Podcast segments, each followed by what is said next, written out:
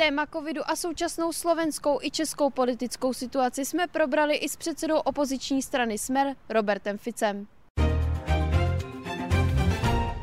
A co je podle vás momentálně největším problémem eh, slovenské vlády, kromě té koronavirové pandemie? Zopakujem to, čo som už raz pre divákov vašej televízie povedal. Ak sa k moci dostanú blázni a poloblázni, ktorí okradnú a oklamú celý národ, tak potom sú aj také výsledky.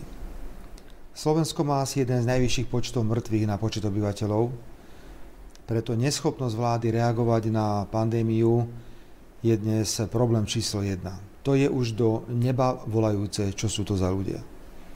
No a potom to je druhá téma, kde vláda úplne zlyhala, to je téma drastického zdražovania, ktoré podľa všetkého bude pokračovať nielen na jar budúceho roku, ale počas celý rok 2022. Toto my v smere sociálna demokracia považujeme za dve najväčšie priority. Uh, jak jste sám řekl, ta situace s tím koronavirem uh, je opravdu vážná, začínají být u vás zahlcené nemocnice, uh, je spousta nakažených. Jak byste vy teď jednal jako premiér? když je taková kritická situace? Práve dnes vláda prijala sprísnenie podmienok. Je to však opäť postavené na hlavu. A trochu to preženiem, vyzerá to tak, že niekto z Pfizeru došiel pred rokovaním vlády a porozdával tam obálky. Samozrejme to hovorím teraz obrazne, pretože všetky opatrenia, ktoré robia, robia len preto, aby sa ľudia išli zaočkovať. Ale ja si myslím, že opatrenia sa nerobia kvôli tomu, aby sa ľudia išli zaočkovať, ale kvôli tomu, aby sme úspešne bojovali s pandémiou. Je zásadný rozdiel v našom ponímaní a v ponímaní tejto vlády. Opakovane tvrdíme a budeme tvrdiť, že očkovanie musí byť prísne dobrovoľné a že právne postavenie zaočkovaného, toho, kto prekonal COVID a toho, kto je testovaný kvalitným testom, musí byť úplne rovnaké. Po tretie, ak sa na nejakú činnosť bude vyžadovať testovanie, štát to musí zaplatiť. A po štvrté to najpodstatnejšie a najdôležitejšie Pýtame sa, prečo sa táto vláda nevenuje pacientovi od okamihu, keď sa dozvie, že má COVID, že je pozitívne testovaný. Všetci čakáme, necháme toho človeka bez akejkoľvek kontroly a spolupráce, až kým nedostane zápal plúc a už bucha na dvere nemocnice, keď je neskoro. My preto na opakovane tvrdíme. V okamihu, kedy sa pacient dozvie, že je pozitívne testovaný, musí od štátu dostať zadarmo balík liekov a podporných liečiv. Musí dostať protokol od lekára, čo má presne robiť a musí mať možnosť telefonicky komunikovať s príslušným lekárom. Toto by výrazne znížilo hospitalizáciu aj zaťaženosť nemocníc.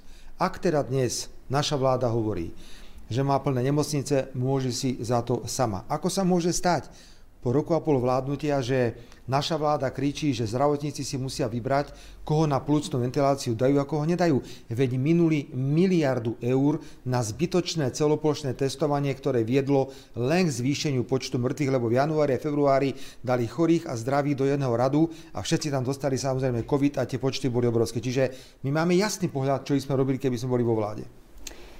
A vy nevidíte nějakou tu souvislost mezi očkováním a nižší zaplněností nemocnic, když u vás je uh, nezaočkovaný nebo neplně naočkovaných 82% Prečo robíte, těch pacientů? Nechápem, nechápem, ja som uh, za dobrovoľnosť očkovania kto sa chce očkovať, nech ide, kto nechce, nech nejde, ale musia mať títo ľudia rovnaké právne postavenie.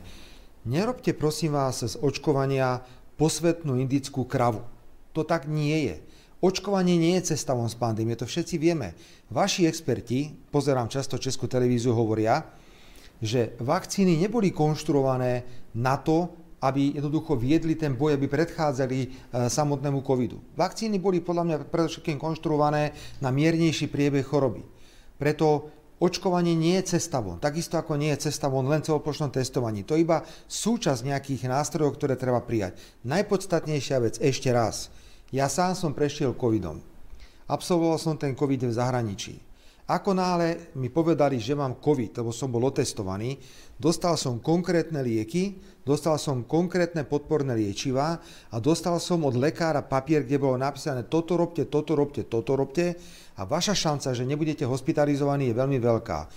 S ľuďmi na Slovensku takto nikto nepracuje. Človek zistí, že má COVID, ide domov, bez akékoľvek kontroly lekára, spolupráce a pomoci, čaká, ako sa mu to vyvinie. No samozrejme, ak tí ľudia sú bez odbornej pomoci, tak zväčša končia v nemocniciach. Za tento stav, ktorý na Slovensku máme, zodpoveda v plnom rozsahu táto vláda a nemá to nič spoločné s očkovaním. A jak se díváte na ten rakouský a bavorský model, který vlastně bude u nás v Česku zavedený uh, z neděle na pondělí? Viete, každá krajina má svoj vlastný rozum. Ja by som rád hovoril o tých nezmysloch na Slovensku a pomenujem to takto.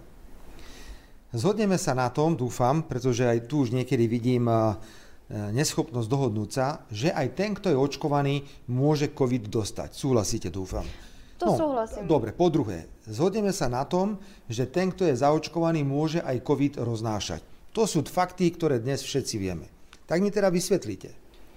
Prečo slovenská vláda dnes rozhodla, že do obchodných domov, do kín, do fitness center a neviem kde, budú môcť chodiť len zaočkovaní bez testov a tí, čo majú testy, to znamená tí, čo sú najbezpečnejší, tam nemôžu ísť. Veď týmito opatreniami vláda vlastne ide rozširovať COVID v krajine, pretože ak je niekto očkovaný a vieme, že môže roznášať COVID, že ho môže dostať a my ho slobodne pustíme do veľkého priestoru, do nákupných stredísk, do obchodov, do kina, neviem kde, tak vám garantujem, že výsledky budú ešte horšie ako teraz. Prečo? Veď keď mám platný test, tak viem, že v tomto okamihu ten COVID nemám.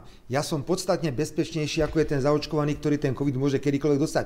To znamená, že aj tí očkovaní by mali potom podstupovať nejakú formu testovania. To, čo urobila slovenská vláda, je úplne mimo misu a znovu u mňa je čím ďalej tým väčšie podozrenie, že len naháňajú očkovanie pre tie e, firmy, zdvíhajú im zisky, to je niečo, čomu ja prestávam definitívne rozumieť.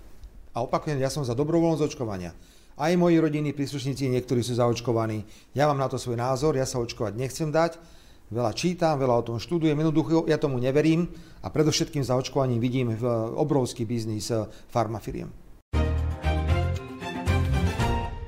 Přesuneme se teď do Česka. Eh, jak hodnotíte říjnové volby v Česku?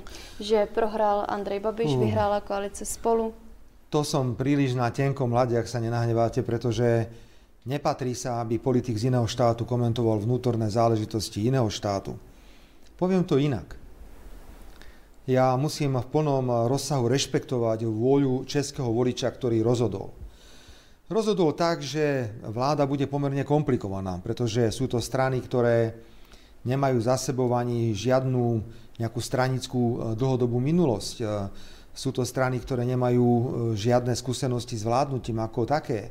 Sú to strany, ktoré sú hodnotovo veľmi odlišné. A vrátim sa okamžite skokom na Slovensku, aby som nekomunikoval a nekomentoval situáciu v Českej republike. Toto presne sa udialo. My máme vládnu stranu, ktorá tvrdí, že má 40 členov. Ale tých 40 členov ešte nikto v živote nevidel. Viete si predstaviť, že najsilnejší poslanecký klub na Slovensku v parlamente má politická strana, ktorá vlastne neexistuje, ktorá nemá ani centrálu, ktorá nemá žiadne štruktúry, nemá v podstate nič. Potom tam boli strany, ktoré nemali žiadnu skúsenosť s vládnutím. Takzvaná strana za ľudí, ktorá sa už rozpadla, ako keď hodíte, hodíte kameň do nejakého krdla vrabcov. Potom zostali ešte dve strany. Smerodina, to je naozaj jedna rodinkárska strana, sami bratia, sestry, manželia v parlamente. No a potom je jediná strana, ktorá ako tak má nejaký formát a rámec, je strana SAS. Čo je výsledkom? Výsledkom je, že nikdy od roku 1989 nebola krajina v takej hlbokej kríze. Nielen kríze spoločenskej a politickej. Toto už je kríza štátu ako takého. Nechcú dovoliť v žiadnom prípade predčasné parlamentné voľby, zneužíva sa trestné právo v boji proti opozícii. No keď pustíte dopredu, hovorím o Slovensku, opakujem ešte raz, ja nemôžem komentovať českú politickú scénu. Strany, ktoré nikdy nevládli, ktoré vznikli len na účel parlamentných volieb, ak dáte dohromady bláznom a polobláznom, ako sa to stalo na Slovensku, máte tragédiu, tragédiu na stole. A je to iba otázka času, kedy Slovensko vybuchne, pretože ak nebudú reagovať na zdražovanie, ak budú takto pokračovať, pokiaľ ide o pandémiu, my čakáme na jar obrovské sociálne výbuchy. Takže si myslíte, i když to převedu vlastně do toho kontextu s tou Českou republikou, že čím více stran ve vládě, tím větší problém? Viete, my tomu hovoríme, že veľa kuchárov aj polievku pripáli. No tak e, nemôžete mať vo vláde 4, 5, 6, 7 strán, to nemôže fungovať. 10 rokov som bol predsedom vlády a 12 rokov som bol predsedom strany, ktorá bola vládnou stranou. Prvá koalícia mala troch partnerov, teda boli sme traja. Ano. Druhá koalícia teda nebola, boli sme sami vo vláde a v tej tretej sme boli najskôr štyri a potom traja. Už trojčlenná koalícia so stranami, ktoré majú aj nejakú tradíciu. Naposledy sme boli vo vládnej koalícii so Slovenskou národnou stranou, to je tradičná strana, a so stranou Most Hit, ktorá takisto mala za sebou bohaté skúsenosti. My sme to vedeli, mali sme určité skúsenosti s vládnutím, ale keď eh, dáte dohromady 4-5 subjektov, z ktorých mnohé sú ešte poskladané z rôznych frakcií, neskúsených ľudí, tak vždy musíte očakávať nestabilitu, vnútorné konflikty. To je absolútne, akože, to, je, to je zákon, prírodný zákon, že keď takíto ľudia, takéto strany nastúpia, tak toto príde. Ale to opakujem, komentujem Slovensko, lebo na Slovensku sa toto stalo. Zvolili by si Slováci Čecha za premiéra? Toto ja neviem posúdiť, pretože takýto experiment sme tu ešte nemali, že by kandidoval na Slovensku český politik. Viete, predsa len my sme videli v Českej republike aj, ak si pamätám, Eh, primátorku eh, Prahy, ktorá bola eh, Slovenka. A už aj predtým pôsobili niektorí slovenskí ministri. Myslím si, že keď bola prechodná vláda pána Fischera, tak bol jeden z ministrov slovenský minister, dnes pôsobí v štruktúrách Európskej komisie. Neviem to posúdiť, pretože nikdy Slováci nečelili takejto výzve, ale naďalej, naďalej v tomto môžeme byť úplne spokojní, platí, že pokiaľ ide o naše vzťahy a pokiaľ ide o nazeranie na na Čechy a Čechov, tak to je vždy na prvom mieste. Tam o tom netreba vôbec pochybovať. Vy byste rád předčasné volby? Referendum, usilujete o referendum. Eh, minulý týden prezidentka Zuzana Čaputová řekla, že ty dvě otázky se podmiňují a je to protiústavní. A budete je nějak přetvářet, ty otázky? Pani Čaputová nejako vznikla. Pani Čaputová, podobne ako pán Kiska, sú tzv. no-name prezidenti. Nikto ich nepoznal. Nikto nevedel, že nejaký pán Kiska alebo pani Čaputová existujú na Slovensku. Potom si ich veľmi podrobne tie liberálne kruhy a podporovatelia zo zahraničia vybrali, urobili im e, brutálnu kampaň, no a títo ľudia vyhrali priame prezidentské voľby. Ona má jasné pokyny. Prezidentka Čaputová veľmi jasne vie, že musí chrániť túto vládu Matoviča a Hegera pred opozíciou, najmä má teda na mysli smer sociálnu demokraciu. Preto nás veľmi prvýkrát ani neprekvapilo, že pani prezidentka, keď sme dali petíciu so 600 tisíc podpismi, ktoré boli vyzberané v rekordne rýchlom čase, dala na ústavný súd s podaním, v ktorom tvrdila, že referendum je protiústavné. Ústavný súd rozhodol, my máme právo, lebo nikto nenútil prezidentku toto podanie urobiť, že prezidentka zmarila prvé referendum. Teraz sme v absurdnej situácii, pani redaktorka, pretože Čokoľvek sa v tomto štáte môže diať, my nevieme vyvolať predčasné parlamentné voľby, lebo nemáme novelizovanú ústavu. Na to potrebujeme 90 hlasov, vládna koalícia to nechce. Preto pani prezidentka má dve otázky od nás. Opäť si vymyslela právnu kľúčku, lebo jej povedali jej tútori a tí, čo ju financujú, nesmieš dovoliť v žiadnom prípade referendum, lebo každý vie, že by to bolo úspešné referendum a že by na Slovensku boli predčasné parlamentné voľby. Ak má pani prezidentka s dvoma otázkami problém na jednom hárku, no tak bude mať každú otázku na samostatnom hárku a je to vyriešené. Ja Alebo som možno tie otázky prídeme... videla a podmiňujú sa. A možno sa ešte raz, ešte raz, ešte raz, dobre počúvajte. Ak má problém pani prezidentka s dvoma otázkami na jednom hárku, budú dve petičné akcie vedľa seba. Bude jedna petičná akcia a bude druhá petičná akcia. V ten istý čas ľudia podpíšu dve petície. Takto budú dve petície podané pani prezidentke a ona sa bude musieť rozhodnúť. Pani prezidentka, si musí uvedomiť, ešte raz to chcem povedať, musí si uvedomiť, že ak sú v krajine krízy, musia existovať demokratické spôsoby riešenia kríz a predčasné parlamentné voľby sú demokratickým eh, spôsobom, iný demokratickejší spôsob nepoznáme.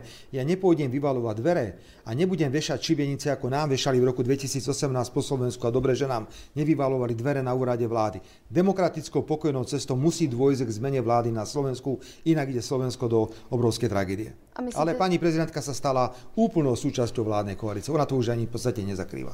A myslíte si, že těch 600 tisíc podpisů je názor většiny Slovenska? Ale pani redaktorka, my sme nepotrebovali viac podpisov. Keby sme chceli, tak vyzberáme aj 1,5 milióna podpisov.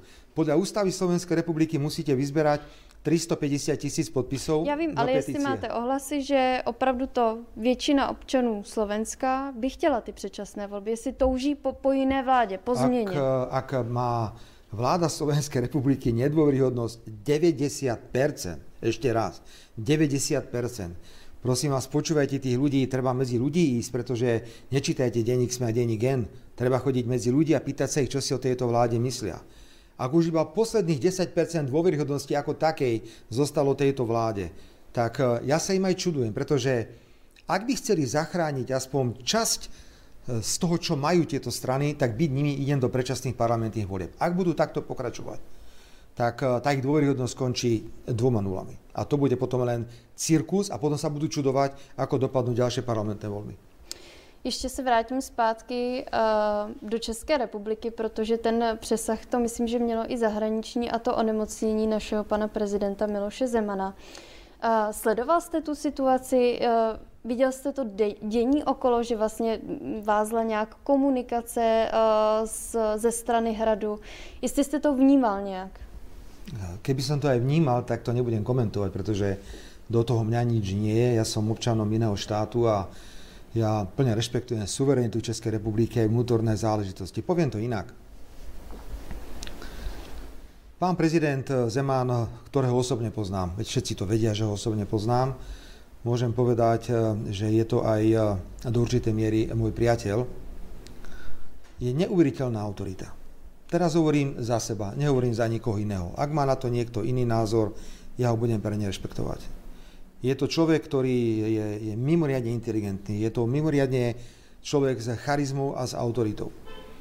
Každého e, chytí choroba, pretože choroby nechodia po horách, ale chodia po ľuďoch, tak sa mu to prihodilo. Ja mu želám len čo najlepšie, aby sa z toho čo najrychlejšie e, dostal a že či kancelária informovala alebo neinformovala, čo ja poznám ľudí okolo pána prezidenta, tak si myslím, že to je jeden oddaný tým pána prezidenta. A tak by to malo byť. Ak oddaný tým pána prezidenta sa rozhodne chrániť pána prezidenta, tak robí dobre. To je môj pohľad. Nebudem to komentovať iným spôsobom. Ďakujem za rozhovor. Ďakujem veľmi pekne.